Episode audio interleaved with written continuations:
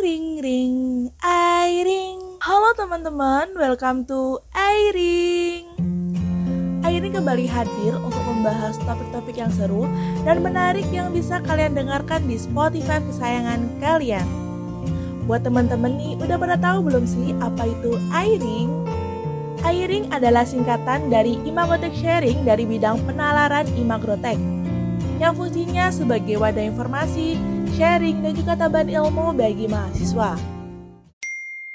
Ring ring ring Airing. Halo teman-teman semuanya, kembali lagi dengan Airing Imagrotek Sharing episode 4 yang akan membahas tentang to be productive with a good time management. Bersama dengan aku, Nanda Ajeng Kartika atau Naya, selaku pembawa acara pada podcast kali ini. Kalau kita bahas tentang time management, pasti nggak asing lagi ya sama permasalahan kayak gini. Aku punya waktu 24 jam nih, tapi kok kayaknya masih kurang ya buat ngerjain sesuatu. Nah, apakah kalian termasuk orang-orang yang pernah nanya kayak gitu ke diri sendiri? Kayak mungkin pagi hari, kalian memulai dengan mengerjakan tugas. Sayangnya, meski udah lama banget dikerjain, pas dilihat lagi progresnya, tugasnya ternyata masih stuck ngerjain tugas yang sama seharian. Padahal, banyak tugas lain yang harusnya lo selesain hari ini. Kayak misalnya, kalian harus meeting, kalian harus masak, belum lagi bersih-bersih rumah, dan mungkin nelpon pacar gitu. Nah, belum lagi kalau kalian ngerasa semua kegiatan atau tugas itu adalah prioritas yang penting dan kalian kan cuma punya waktu nih 24 jam buat ngerjain semuanya. Hal ini nih mungkin bisa bikin kalian bingung sama tugas mana yang harus diutamain dan mana yang bisa dikerjain nanti. Kalian jadi mikir, emang bisa ya 24 jam ini semua hal ini itu, semua tugas itu ini diselesaikan dalam satu waktu. Nah, masalahnya lagi pas kita coba lihat orang lain, misalnya nih teman dekat kita, yang deket deket aja deh. Kok bisa ya mereka ngelakuin banyak hal dan hasilnya tuh bisa maksimal gitu? Kenapa ya mereka bisa jago banget di banyak hal dalam waktu 24 jam tapi kenapa kalau kita sendiri tuh susah banget Well, di podcast ini aku bakal ngundang narasumber yang bakal ngasih tips soal manajemen waktu. Supaya di tengah banyakkan kesibukan kalian, kalian tetap bisa nih termotivasi untuk produktif dan bisa memanfaatkan waktu yang ada dengan sebaik-baiknya. Makanya saran aku, dengerin podcast ini sampai habis biar kalian dapat keseluruhan insight-nya tentang gimana memanajemen waktu. Tapi sebelum masuk ke segmen tip manajemen waktu, aku mau kenalin narasumber kita, Mas Irfan Nurfaik. Beliau ini merupakan Ketua Bidang 1 Imagrotek Selain itu, beliau juga anak semester 5 loh, magang juga. Dan aku lihat akhir-akhir juga, beliau masih sempat-sempatnya bisa happy-happy main ke sana dan ke situ. Nah, tanpa lama-lama lagi, kita panggil narasumber kita, Mas Irfan Nurfaik. Halo Mas Irfan. Halo Naya, waduh habis stalking IG ku ya, ngeliatin aku jalan-jalan. Ya, jadinya aku tahu nih kabar terbaru dari Mas Irfan. Coba dong Mas dikenal dirinya. Oke, halo teman-teman Airing, aku Irfan Nurfaik. Uh, biasanya aku dipanggil Ipang nih, Nay. Jadi nanti kamu manggilnya Ipang aja ya, biar kita lebih enjoy. Oh, BTW, aku juga mau nanya nih, kamu kabarnya gimana? Tadi kan, ya Alhamdulillah aku sehat. Kalau kamu gimana? Alhamdulillah juga nih, Mas. Aku sehat dalam keadaan yang fit juga.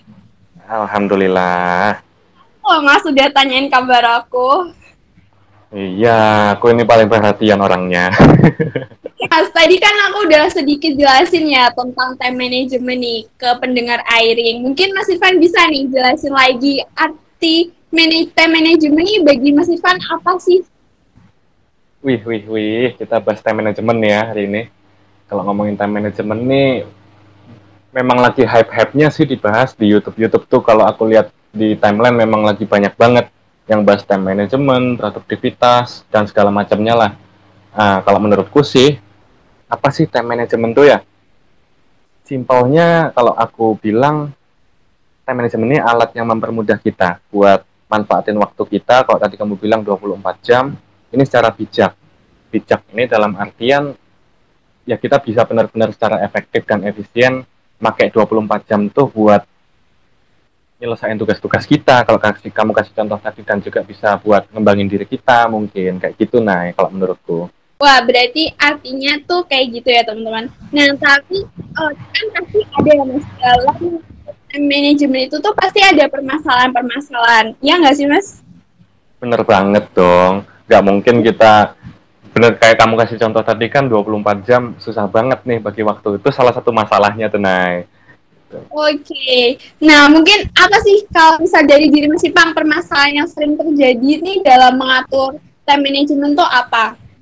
Oke, ya sebenarnya aku juga bukan yang bisa benar-benar manfaatin 24 jam ini secara maksimal sih. Ya, ya pasti adalah ketemu masalah-masalahnya.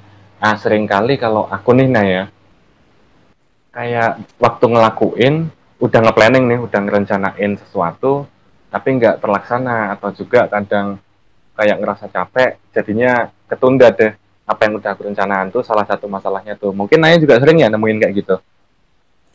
Iya, sering banget. Tapi kalau misalnya aku pribadi itu adalah motivasi aku untuk melaksanakan time management ini. Kayak gitu sih, Mas. Lebih tepat. Oh, lebih ke self motivationnya gitu ya, yang kayak, aduh, gimana ya kayak nggak bisa semangat gitu buat nge-manage waktu. Ya, memang ya. itu jadi masalah, masalah banget. Memang beda-beda sih kita masalahnya. Cuma memang ini sih, Nay, kalau kita ngomongin permasalahan dalam time management, lebih ke kayak konsistensi kita buat nge-planning nge-planning tadi dan ngelaksanain apa plan-plan kita yang nanti dampaknya tuh memang ke mana-mana nih Nay. Kayak yang kamu sebutin tadi, tugas yang numpuk, terus mungkin kewajiban-kewajiban yang akhirnya terbengkalai, kayak gitu tuh. Itu permasalahan banget tuh. Apalagi kalau ngomongin kita, konteksnya kita nih mahasiswa ya. Nah, kan kita banyak banget ya mas permasalahan-permasalahan kayak mungkin uh, adalah rasa malas dalam melakukan time management ini nah kayak bener banget. Waktu yang panjang masih bisa ditunda gitu karena akhirnya ngerjakan sesuatu mepet deadline kayak gitu. Nah terus mungkin uh, kurang juga motivasi kayak ngapain sih ngerjain tugas? Kayak gitu. Ataupun masih ada kendala-kendala lain Nah mungkin dari Mas Irfan sendiri ataupun uh, dari pengetahuan yang Mas Irfan juga gimana nih cara untuk mudah buat menyelesaikan permasalahan yang sering terjadi dalam pendidikan kayak gitu. Oke, tadi memang nah ini faktor paling utamanya tuh udah kamu sebutin tuh tadi males itu tuh yang nggak susah ya. Nah tapi semoga nanti kita sharing-sharing ini bisa salah satunya ngemotivasiin teman-teman juga mungkin bisa ngasih cara ya Nah ya buat gimana caranya kita manage waktu dengan baik. Oke, kalau ini uh, aku bahas dari yang hal yang paling mendasar dan menurutku yang paling penting nih kalau kita bicara manajemen waktu. Ada yang namanya skala prioritas. Pernah dengar nggak, Nay? Apa tuh namanya skala prioritas? Apa kalau menurutmu, Nay? Kita sambil bincang-bincang santai aja ya. Iya, uh, uh, uh, sepengetahuan aku sih kalau skala prioritas itu apa sih yang mau kamu lakuin dan itu tuh terbilang kayak harus dilakukan terlebih dahulu daripada kegiatan kayak gitu nggak sih masih pang? Iya, nah secara umumnya memang bener banget tuh Nay apa yang kamu sebutin. Jadi skala prioritas nih kita nentuin kegiatan-kegiatan apa yang memang paling penting dan harus didahulukan sampai nanti ke yang paling bawah hal-hal yang bisa kita belakangin lah kayak gitu bahasanya. Nah, cuma kalau ngomongin skala prioritas kan masih umum banget gak sih? Nah, aku beberapa waktu yang lalu pernah baca buku nih, Nay. Judulnya Seven Habits of Highly Effective People. Ini buku karyanya Stephen Covey. Di situ membahas skala prioritas, tapi ada nih satu metode yang bikin aku tertarik, yang kalau aku bilang aplikatif banget sih, metodenya namanya Matrix Eisenhower. Pernah dengar juga nggak, Nay, ini? Apa tuh Matrix Eisenhower? Nah, ini Mas, kalau Matrix Eisenhower-nya aku nggak tahu nih, apa nih Mas Bang? Nah, oke, okay, kita coba beragalin pelan-pelan ya. Aku bakal jelasin. Nanti mungkin kamu bantuin juga aku kayak ngasih contoh-contoh kegiatannya ya, Naya. Iya, boleh-boleh banget. Mungkin dengan ini permasalahanku tentang time management juga bisa terbantu ya. Oke, ya semoga kayak gitu. Semoga juga bisa buat teman-teman ya. Oke. Jadi di matrix Eisenhower ini kita intinya nentuin skala prioritas tapi lebih spesifik lagi.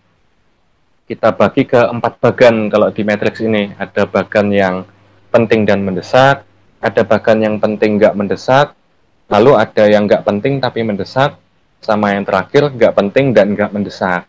Nah, kita coba bedah satu-satu ya. Yang pertama nih penting tapi mendesak. Itu kegiatan-kegiatan yang sifatnya gimana ya? Suatu kewajiban gitu buat kita dan itu harus kita utamakan dari rencana-rencana time management kita. Coba kasih contoh deh, Nay. Misalnya kamu nih sebagai mahasiswa apa aja nih yang sifatnya wajib gitu, yang harus kita utamakan banget? Mungkin bisa tugas dari dosen ataupun tugas praktikum ya mas. Nah iya bener banget. Itu bisa masuk tuh. Kayak tugas-tugas pasti kalau kuliah kan nggak lepas lah dari yang namanya tugas terus laporan praktikum mungkin ya. Bener banget gak? Numpuk gak tuh naik laporan praktikummu iya gitulah. Nah itu tuh.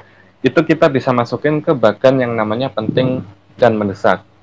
Hal-hal lainnya kayak kuliah, jadi nggak cuma tugas kuliah ya, termasuk kamu ngikutin mata kuliah, kamu ngikutin praktikum, terus ibadah-ibadah, itu dimasukin tuh ke bagian yang penting dan mendesak. Dan di bagian ini memang adalah kegiatan-kegiatan yang harus kita utamain dulu daripada kegiatan-kegiatan lainnya gitu. Nah, lalu selanjutnya dari setelah bagian penting dan mendesak, ada nih yang namanya penting nggak mendesak. Ini kegiatan-kegiatan yang nantinya kita rencanakan bakal masuk ke rencana jadwal kita setelah hal-hal yang kita sebut tadi penting dan mendesak. Coba kasih contoh, nih, pengetahuan atau menurutmu ya, apa aja sih kegiatan yang sifatnya ini penting tapi nggak mendesak? Hmm, apa ya? Uh, pengembangan diri mungkin? Nah, ya pas banget tuh pengembangan diri. Emang di bagian ini, kalau aku baca buku yang tadi aku sebutin, ini kegiatan-kegiatan yang sifatnya bisa ngembangin diri kita. Misalnya, kayak baca buku, terus uh, nonton motivasi, olahraga. Ini kan sifatnya penting ya, penting buat pikiran kita, penting buat kesehatan kita, yang sifatnya bisa ngembangin diri kita lah, jadi lebih baik seterusnya. Tapi sifatnya nggak semendesak yang sebelumnya. Jadi kayak nggak kita lakuin di awal-awal banget juga nggak masalah karena kita masih punya spare waktu setelah tanggungan-tanggungan yang sifatnya wajib tadi. Nah setelah kita ngeplan nih kita masukin kegiatan-kegiatan yang penting nggak mendesak kita coba masukin kira-kira apa nih ada yang namanya kegiatan nggak terlalu penting tapi dia mendesak sifatnya kayak harus dilakuin juga dalam waktu itu. Kalau tadi dua kegiatan sebelumnya Naya yang ngasih contoh, ini aku ya Naya yang ngasih contoh ya. Oke. Okay. Oke. Okay. Misal uh, kayak misal aku punya all shop gitu ya di marketplace, aku uh, jual salah satu produk dan ada customer yang tertarik terus ngechat ke all shopku. Nah ini kan sifatnya mendesak ya kalau aku sebut ya. Kayak ya namanya customer harus kita jawab secepatnya lah atau istilah kerennya ini fast respon gitu. Nah, ya dong, kegiatan, dong hati. Nah, bener banget sama cewek aja kalau aku nih harus fast respon ya apalagi kalau sama customer yang ngasih kita uang nih kayak gitu. Hey. Mungkin Naya juga fast respon pasti sama pacarnya ya Naya? Uh, Oke okay, skip. Lanjutin Oke oke. Okay, okay. sorry ya agak melenceng dikit. Nah ya, kegiatan-kegiatan yang yang tadinya apa namanya sifatnya mendesak tapi nggak terlalu penting juga dalam artian ini masih bisa kita delegasikan ya. Nah kegiatan tersebut bisa kita minta ke mungkin kalau misalnya di Allshopku aku punya staff ya aku minta staffku buat ngebales chat. Ya intinya kita delegasiin lah kayak gitu. Atau mungkin aku kasih contoh satu lagi nih Nay. Aku pernah ngalamin nih dalam kehidupan sehari-hari. Jadi aku kan punya kucing nih di rumah ya terus stok makanan kucing di rumah ini udah sedikit. Jadi ibuku nelpon pas aku lagi rapat nih. Pas ibuku nelpon minta tolong aku buat beliin kan aku nggak bisa karena aku lagi ngelakuin kegiatan yang sifatnya penting dan mendesak. Rapat nih soalnya aku ada tanggungan di organisasi ya kayak gitu.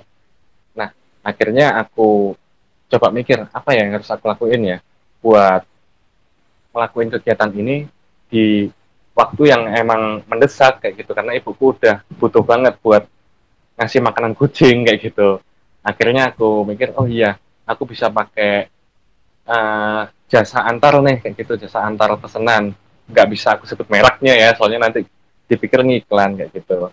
Nah ya, aku intinya ya, mendelegasikan si titipan tadi si makanan kucing tadi ke jasa antar pesanan kayak gitu nah hal-hal yang sifatnya kayak gini bisa kita delegasikan mungkin sih uh, jarang kita temuin ya karena kayak uh, kalau mal, belum punya tanggungan yang banyak sih memang jarang kita nemuin kondisi kayak gini yang harus kita delegasikan.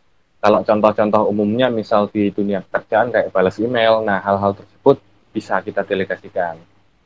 Terus masuk nih ke bagian yang terakhir, nggak penting dan nggak mendesak, tapi biasanya nih bikin seneng banget.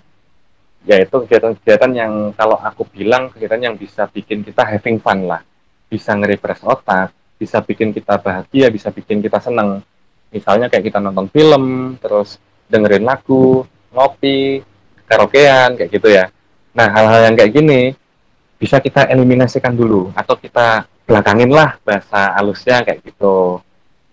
Nah itu kan jadinya kita dengan matrix Eisenhower tadi kita bisa ngelihat nih sehari ini kegiatanku bakal ada apa aja sih? Apa yang paling penting sampai yang bisa kita belakangin kayak gitu. Itu pentingnya tuh matrix Eisenhower naik nah cuma kan uh, ini masih sebatas kayak kita nentuin kegiatan apa aja dan skala prioritasnya seperti apa. Terus ada lagi yang namanya time blocking naik kalau time blocking nih langkah selanjutnya setelah kita nentuin kegiatan kalau tadi masih belum kita sub-subkan ke jadwal-jadwal pasti, dengan time blocking ini kita ngesub-subin nih kegiatan yang udah kita rencanakan ke dalam jadwal-jadwal harian kita. Misal tadi uh, yang paling penting apa nih? Sama mendesak kayak kuliah ya Naya. Uh, aku ya. mau tahu nih, kamu kuliah dari jam berapa sampai jam berapa aja? Kalau misalkan aku kuliah mungkin uh, karena aku sudah semester 3 ya, kuliahnya mungkin siang tapi tetap ada praktikum pagi kayak gitu. Untuk padat jam banget ya. Tapi ya padat banget tapi kalau untuk jamnya kalau misalnya digabung ya masih pang ya itu praktikum dan kuliah sekitar 8 jam sehari. Wow 8 jam ya udah kayak orang kerja aja ini kuliahnya oke ya nah, dengan time blocking tadi, langkah-langkahnya adalah pertama kita tentu itu kegiatan yang memang udah wajib ya, yang memang harus kita kerjakan ke jadwal harian. Jadi tadi misal kita dari jam 7, berarti sampai jam berapa tuh, Nay, kalau 8 jam? Kalau misalkan berakhir, mungkin karena ada jeda-jedanya, jadinya hampir setengah lima sore. Tapi kalaupun itu antara mata kuliah lain dan lainnya itu ada jeda sekitar dua jam kayak gitu. Oh, jadi di tengah-tengah nih ada kayak istirahatnya gitu, Naya? Iya, kayak gitu. Jadi mungkin dari setengah 8 pagi sampai jam 11 siang itu ada jeda sampai jam 1 siang. Kayak gitu. Oke, nah jadi kalau misalnya kita pakai time blocking nih, Nay, dari anggaplah dari jam 7 sampai jam 9 kamu mata kuliah pertama, terus dari jam 10 sampai jam 11 mata kuliah kedua ya. Itu kamu masukin tuh ke jadwal ditulis uh, mata kuliah A ini dari jam 7 sampai jam 9. Terus ada lagi nanti mata kuliah B dari jam 10 sampai jam 11. Anggaplah dari jam 11 sampai jam 2 gitu kamu istirahat nih ya. Nah, itu tuh waktu-waktu istirahat sebelum kamu ngelakuin kegiatan yang sifatnya wajib lagi, itu bisa kamu, kamu pakai buat hal-hal misalnya olahraga ataupun kamu baca-baca buku itu bisa banget. Jadi bisa kita masukin kegiatan yang bisa penting dan nggak mendesak lah utamanya ya kalau misalnya kita mau ngembangin diri. Nah, time blocking itu intinya kayak kita nyusun secara pasti dari jam segini sampai jam segini apa kegiatanku. Terus selanjutnya uh, di sisa-sisa waktu aku bakal ngelakuin kegiatan apa. Nah, dengan adanya time blocking kita bisa jelas pada waktu tersebut kita harus ngelakuin apa. Nah, itu pentingnya time blocking tuh. Jadi nanti bisa kita tracking juga nih, nah di awal-awal kita merencanain, kita punya spare waktu berapa nih yang nantinya akhirnya bisa kita pakai buat kegiatan-kegiatan yang sifatnya having fun. Soalnya kan nggak mungkin kamu 24 jam, mungkin seperempat, uh, dua per tiganya atau dua, tiga per empatnya lah kamu pakai buat hal-hal yang bikin otak kamu bledos nanti kayak gitu. Soalnya perlu juga kan pasti having fun. Gitu. Nah itu fungsinya si time blocking tadi tuh naik. Benar-benar nih. Tapi ya Mas Ipan ya, ada satu pertanyaan yang muncul nih tiba-tiba ketika Mas Ipan itu menjelaskan tentang metode untuk membuat pengaturan time management ini. Oke, apa tuh? Uh, kan sudah banyak ya cara-caranya seperti tadi yang sudah dijelaskan, tapi terkadang uh, ketika jadwal kita itu udah banyak, kadang itu kayak gini loh, uh, sebenarnya kita itu produktif atau sibuk sampai toxic produktif kayak gitu. Nah mungkin Waduh. bisa membedakan. Okay. Ya ya, ini menarik nih Nay. Ngomongin si produktif sama sibuk. Ini berhubungan banget nih sama si time management tadi yang kalau secara umumnya kita udah rencanain lah apa aja kegiatan yang udah kita rencanakan dan bakal kita laksanakan dengan waktu-waktu yang udah kita tentukan gitu ya. Kegiatannya ini mungkin dalam sehari bisa banyak banget. Nah, ada memang kesannya sama nih si antara si produktif sama si sibuk. Kayak dalam sehari kegiatan yang bakal dilaksanain tuh banyak. Cuma ada garis tipis nih nah yang membedain antara produktif dan sibuk. Oke, ini pertanyaanmu kan ya Naya? Apa sih bedanya produktif sama sibuk gitu? Benar-benar mas, mohon dijawab nih teman-teman Oke. Okay. Aku tuh produktif atau sibuk sih kayak gitu. Iya ya bener banget. Aku juga sering nih nemuin pertanyaan kayak gitu. Aku sibuk atau produktif sih sebenarnya. Nah bedanya adalah kalau kita sibuk, kita nih ngelakuin kegiatan tanpa perencanaan. Kita ya ya udah tiba-tiba ngerap tugas, atau parah-parahnya mungkin bisa multitasking entah ke misalnya sambil garap tugas terus sambil rapat juga misal kayak gitu. Nah kalau misalnya kita ngelakuin kegiatan yang kayak gitu ya apalagi sampai multitasking ya itu kan bakal bikin kita stres sumpek segala macamnya lah. Ini yang bedain antara sibuk dan produktif. Di sisi meaningfulnya. Beda dengan produktif naik kalau produktif kita bisa nge-planning ya kita misalnya pakai metode-metode tadi, kita ngerti apa yang bakal kita lakukan, dan kita dalam satu waktu, kita ngelakuin satu hal aja. Kita nggak ada yang namanya multitasking lah, karena kalau aku pernah dengar, manusia itu bukan multitasker yang baik lah, kayak komputer gitu. Yang beda adalah saat kita ngelakuin kegiatan, kita lebih ngerasa yang kita laksanain ini meaningful banget, atau berarti lah, kayak ya ada perasaan yang bikin kita happy setelah kita ngelakuin kegiatan tersebut. Karena dengan adanya time management tadi, kita kan udah nge-planning nih, udah kita rencanakan, saat kita ngelakuin itu, kita anggaplah kita centang, oh aku udah ngelaksanain kegiatan tersebut. Jadi kita kayak mencapai suatu target gitu. Itu yang bedain antara produktif dan sibuk. Lebih ke perasaan sih sebenarnya dan juga outputnya si produktif ini mungkin karena dia lebih fokus ya dalam ngelakuin suatu kegiatan, otomatis dia bakal bisa maksimal nih. Misal ngerjain tugas gitu, bisa maksimal banget ngerjain tugasnya, tugasnya jadi bagus. Beda dengan beda dengan si sibuk yang tanpa perencanaan, apalagi sampai multitasking, pasti ya hasilnya juga separuh-separuh. Nah, perbedaannya tuh di situ, naik lebih ke perasaan meaningful itu tadi, tapi penting banget buat kita sebagai manusia ya. Iya, iya tapi kayaknya aku udah ada pandangan yang mas penjelasan yang mas Pang tadi kayaknya tuh perbedaan antara si produktif dan sibuk adalah si sibuk itu kayak menjalankan sesuatu lebih tergesa-gesa dan tidak ada artinya dalam dirinya dan kayak semua kegiatannya itu mungkin bisa dikatakan beban kayak gitu ya. Bener banget, iya bener banget tuh Nay. Pasti kalau kita sibuk kayak kita tergesa-gesa banget, kerjainnya nggak tenang, terus ya nggak maksimal akhirnya ya yang kayak kamu sebutin tadi outputnya pun juga ya nggak sesuai harapan mungkin separuh separuh lah istilahnya gitu bener banget tuh Nay Oke, tapi kan pasti walaupun dalam keproduktifan itu kan pasti adalah ya titik di mana kita itu lelah, ya apa tidak? Bener banget. Kita nggak bisa dong kayak robot yang benar-benar sistematis gitu. Jadi nggak ada capeknya, pokoknya dijalanin aja lah. Ini bener banget. Nah, aku juga mau sharing dikit nih, Nay. Boleh ya? Iya, boleh. Gimana, gimana? Ya. Pertanyaanmu nih sempatlah uh, kejadian sama temanku gitu. Dia orangnya pinter banget nih manajemen waktu. Cuma kadang namanya kita hidup ya kayaknya dinamis banget gitu. Ada aja hal-hal yang di luar rencana-rencana kita yang malah bikin nambahin kegiatan mungkin terus nambahin stres itu hal yang wajar banget kok.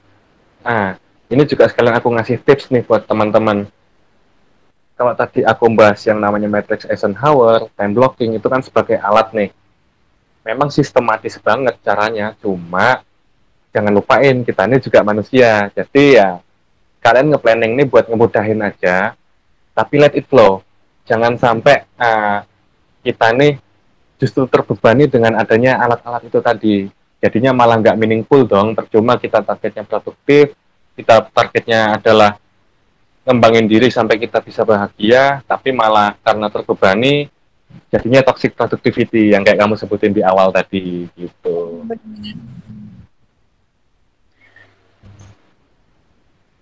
Iya, uh, mungkin ya mas. Uh, tadi kan udah disebutkan ya kayak.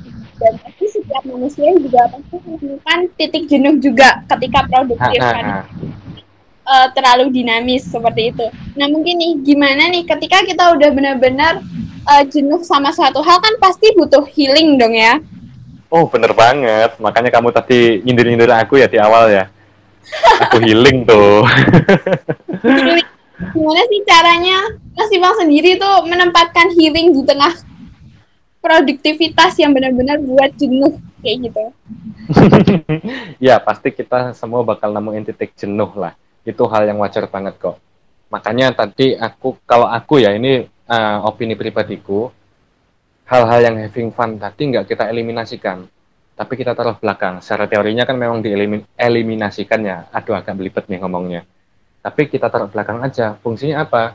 Setelah kita ngelakuin hal-hal yang berat-berat tadi, meskipun itu hal yang baik ya, tapi kita perlu refreshing. Refreshing ini sifatnya atau fungsinya ya, kalau menurutku ya buat kita lebih semangat aja gitu semangat dan besoknya kita lebih enjoy jalaninya karena permasalahan lainnya tuh saat kita manajemen waktu ya ngejaga konsistensi. Kalau kita ngelupain hal-hal yang bisa bikin kita seneng kita fokus ke produktif produktif produktif ya lama-lama ya bakal stres juga. Ujung-ujungnya malah sama kayak si sibuk tadi tuh nah gitu. Jadi lebih uh, buat kita nyari tempat healing misalnya di weekday ya di jam-jam kuliah, jam-jam kerja ya bisa kita taruh. Mungkin kalau aku nih sebelum tidur kayak aku uh, nonton-nonton YouTube ya buat refreshing aja gitu. Cuma kalau kayak tadi kamu di awal ngomongnya aku jalan-jalan, nah itu tuh karena aku alhamdulillah bisa ngebagi waktu di awal-awal di weekday, jadinya aku udah gak ada tanggungan nih, gak ada yang ketunda-tunda dan gak ada yang membebani di week di weekendku. Jadi weekend aku pakai benar-benar buat healing. Nah kalau healingku sih lebih ke jalan-jalan ya. Mungkin setiap orang beda-beda. Yang penting harus ada lah kalau menurutku setiap waktu ini ditempatkan buat kita refreshing. Jangan sampai otak ini kita paksa buat kerja-kerja-kerja terus. Gitu, nah. Oke, okay. uh, eh, mungkin caranya bisa dipakai ya hal kayak gitu. Nah mungkin ya. kak terakhir nih dari sesi podcast ini nih. Uh, mungkin gimana sih cara kita kan udah tahu dari sisi positif dari tim itu adalah mudah gimana kita sesuatu. Mungkin ada tambahan gak nih kak dari sisi positif untuk memotivasi teman-teman pendengar kita untuk lebih tahu cara memanajemen waktu. Oke, aku tambahin dikit nih sisi positifnya sisi positifnya yang paling gampang yaitu tadi kita bisa nempatin waktu benar-benar buat having fun, me time kayak gitu. Jadi kita udah nggak ada beban nih. Jadi kita bisa benar-benar meaningful juga dalam ngelakuin kegiatan yang sifatnya senang-senang. Nah, mungkin yang bisa bikin apa ya? Jadi evaluasi sih. Kayak kita mungkin dalam satu waktu kalau misalnya kita nggak nerapin time management bisa ngambil nih waktu-waktu healing. Tapi kayaknya ada yang nggak plong gitu kalau menurutku. Hmm, bener Nah, bener. ada tanggungan-tanggungan. Nah kayak gitu. Oke aku jalan-jalan tapi kadang di jalan kepikiran kayak gitu. Kepikiran Ya, aku masih ada tanggungan tugas kayak gitu. Nah kan jadinya nggak nggak enak juga.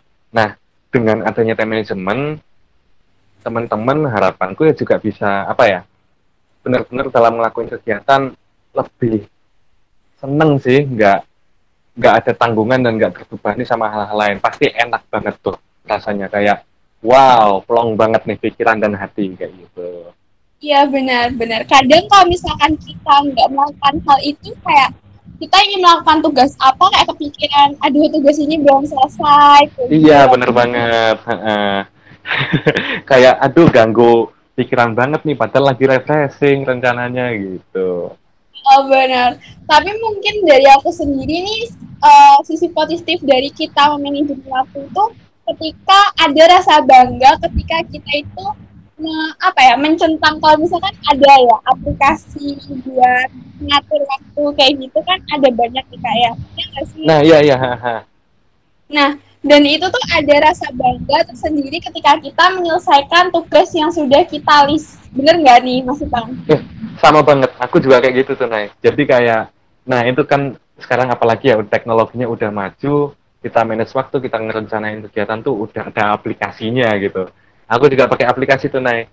Jadi aku nge-planning apa aja yang bakal aku lakuin dan kalau aku berhasil ngelakuin itu terus aku centang uh kayak ada perasaan bahagia banget gitu enak banget kayak akhirnya aku bisa ngecapai goalsku dalam hari itulah feel-feel kayak gitu tuh yang bisa kita rasain kalau kita benar-benar bisa nerapin manajemen waktu gitu. Sama banget Nay, sama kayak kamu. Nah, gitu ya teman-teman tentang manajemen waktu nih. Nah, makasih ya buat Mas Ipang yang udah menemani teman-teman Airing untuk mengetahui gimana sih caranya produktif dalam manajemen waktu. Nih, makasih Mas Ipang. Iya, thank you juga Nay. Kita sering-sering asik banget nih bahas hal-hal yang memang mendasar sih. Cuma memang juga jadi permasalahan banyak orang nih kalau time management. Thank you Nay ya. Iya, terima kasih juga Mas Ipang. Nah, akhir kata, semoga podcast ini bisa ngebuat kalian belajar dan berkembang menjadi lebih baik. Seenggaknya satu persen setiap harinya. Aku Nanda Ajeng Kartika dari staf penalaran Imagrotek. Thanks sudah dengerin Airing episode 4.